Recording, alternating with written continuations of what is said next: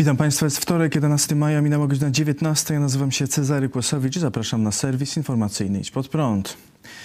Czechy będą się domagać odszkodowania od Rosji. Minister finansów Czech Alena Schillerowa powiedziała wczoraj w telewizji CT24, że Czechy zażądają od Rosji co najmniej miliarda koron rekompensaty za eksplozję w składzie amunicji we Wrbeticach.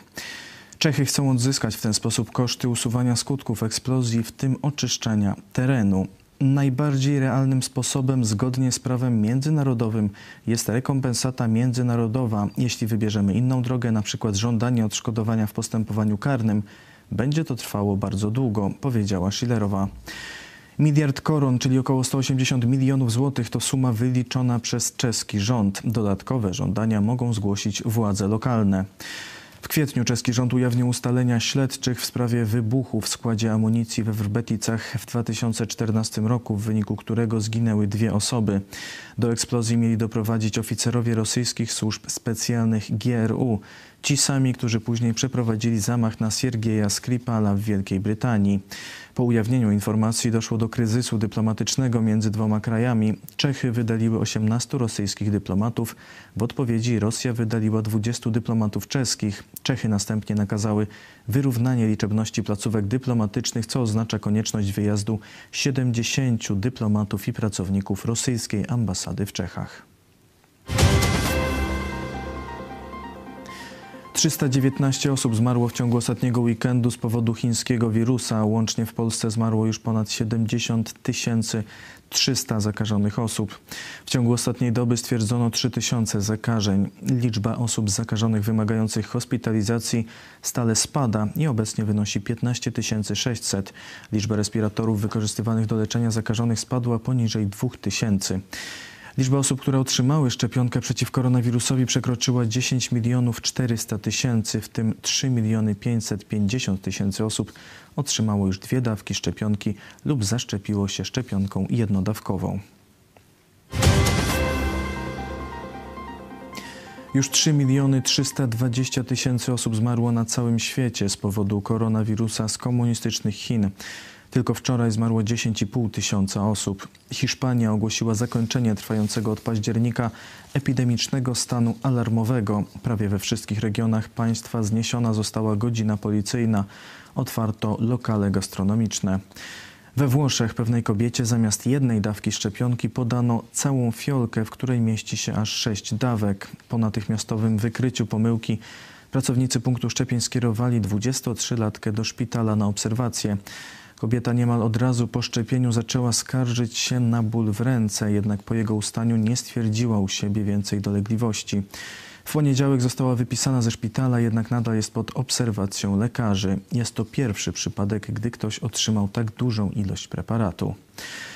Rząd brytyjski podał, że po raz pierwszy od lipca ubiegłego roku w całej Anglii nie stwierdzono żadnego przypadku zgonu z powodu koronawirusa. Żadnych zgonów osób zakażonych nie stwierdzono także w Szkocji i w Irlandii Północnej. W ciągu ostatniej doby w Wielkiej Brytanii stwierdzono 2300 nowych zakażeń. W związku z poprawiającą się sytuacją epidemiczną Premier Wielkiej Brytanii Boris Johnson ogłosił, że trzeci etap znoszenia obostrzeń rozpocznie się 17 maja. Oznacza to m.in. zwiększenie dopuszczalnej liczby osób, które mogą się spotykać.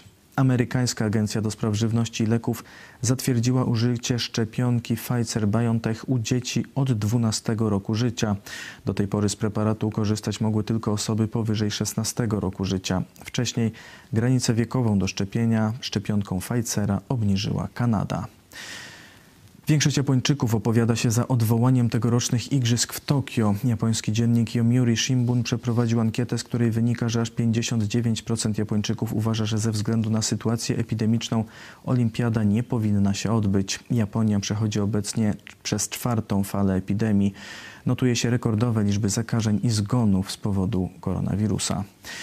Amerykańskie czasopismo American Journal of Therapeutics ogłosiło, że substancja o nazwie ivermektyna może istotnie zmniejszać ryzyko zachorowania na COVID-19 oraz zgonu z powodu choroby. Ivermektyna obecnie funkcjonuje jako lek przeciwpasożytniczy i przeciwtrądzikowy. Przeciw koronawirusowi lek ten zaczęły już stosować władze indyjskiego stanu Goa, które szukały różnych metod walki z pandemią ze względu na opóźniające się szczepienie ludności.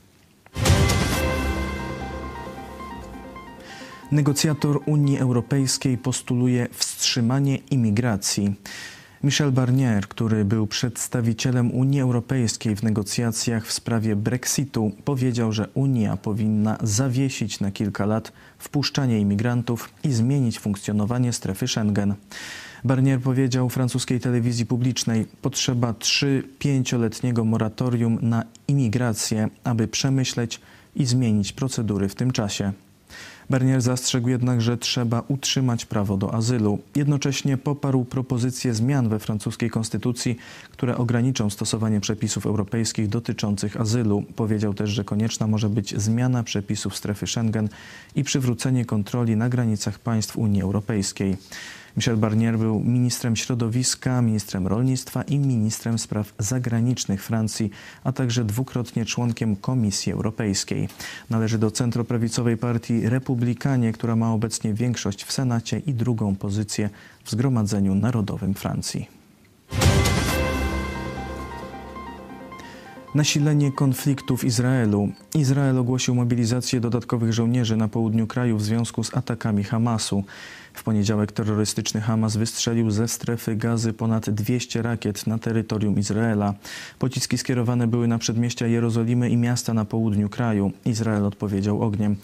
Hamas kontynuował ostrzał dzisiaj. Rakiety trafiły w kilka budynków w miastach Ashkelon i Ashdod, w tym w szkołę. Zginęły dwie kobiety. Jak przekazała strona izraelska, w atakach odwetowych zginęło 15 członków Hamasu. Według Palestyńczyków zginęły 22 osoby, w tym dzieci. Hamas twierdzi, że ataki są odpowiedzią na przemoc w Jerozolimie, gdzie wcześniej doszło do starć między Palestyńczykami i policją izraelską na terenie meczetu Al-Aqsa. Palestyńczycy protestowali przeciw planowanemu wysiedleniu palestyńskich rodzin z terenu, gdzie mają powstać izraelskie osiedla. Chcieli też powstrzymać marsz z okazji Dnia Jerozolimy, upamiętniającego zdobycie przez Izrael części miasta w wojnie sześciodniowej. Jak twierdzi korespondent telewizji Idź Pod Prąd w Izraelu Eli Barbur, za eskalacją zbrojną Hamasu stoi głównie Iran, a celem działań jest przejęcie kontroli nad zachodnim brzegiem. Zadymy z meczetem Al-Aqsa to jedynie pretekst, podobnie jak w przeszłości. Teheran i Hamas chcą wykorzystać fakt, że w USA władzę sprawuje teraz spolegliwy Joe Biden, a w Izraelu trwa ostry kryzys rządowy, napisał Eli Barbur. Niemcy zabili mu czterech braci. Nie załamał się. Sprawiedliwy wśród narodów świata, żołnierz Armii Krajowej, potem żołnierz wyklęty. Kim był Maksymilian Jarosz? Co chciał przekazać kolejnym pokoleniom? O tym mówi film wyprodukowany przez telewizję Idź Pod Prąd. Maksymilian Jarosz, urodzony w 1925 roku w Piaskach, był najmłodszym dzieckiem z ośmiorga rodzeństwa. W czasie okupacji niemieckiej wraz z rodzeństwem wstąpił do ruchu oporu. Dwaj bracia pana Maksymiliana, Jan i Wacław, zostali zamordowani w Auschwitz. Pozostali przy życiu bracia wraz z siostrą Marianną wstąpili do Armii Krajowej. Maksymilian Jarosz otrzymał pseudonim Mirski. W 1943 roku Niemcy zabili Czesława, a za dwa dni Stanisława Jarosza. Cała rodzina Jaroszów pomagała Żydom, przemycając żywność, lekarstwa, dając schronienie. Po wojnie rodzina Jaroszów została odznaczona medalem Sprawiedliwi wśród Narodów Świata. W 1944 roku Maksymilian Jarosz wstąpił do podziemia antykomunistycznego, do oddziału Lwa Kopaczewskiego. Wielokrotnie był nękany przez UB za kontakty z Lalusiem Józefem Franczakiem, ostatnim partyzantem antykomunistycznego podziemia.